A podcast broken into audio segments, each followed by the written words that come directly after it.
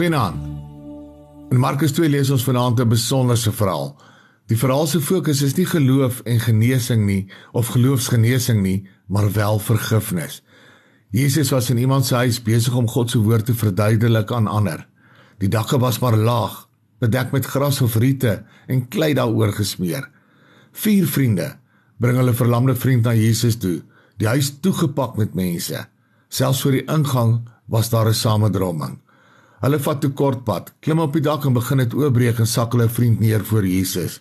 Nou kan jy jou indink aan die hoeveelheid stof, gras, riete en klei klonte neergeval het op Jesus en die wat naby hom was.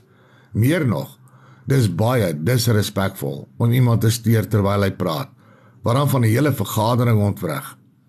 Sulke gedrag ontlok irritasie en 'n aggressie in elke mens.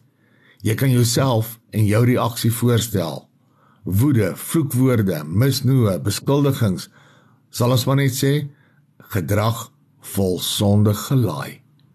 Maar Jesus was nie net mens nie. En ons lees in vers 5.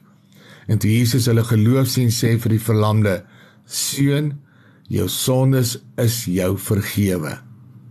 Nou in stories van die lewe word 'n verhaal vertel van 'n priester wat gehoor het van 'n vrou wat reken na die Here direk met haar praat. Skepties en jaloers gaan besoek hy haar. Dit klink net te onwaar. Hy toets haar om die Here die volgende keer te vra wat sy grootste sonde as priester is. Nou skierig, na 'n maand besoek hy haar weer om te hoor wat die Here se antwoord was. En haar woorde was: "Die Here het vir my gesê om vir jou te sê watter sonde. Die sonde wat hy vergewe vergeet hy ook.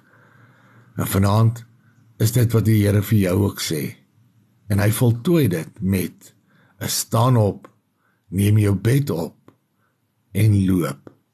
Mag jy jou lewenspad met vreugde loop deur sy genadige vergifnis. Jy het 'n verskil om te maak. Amen. Nag se Here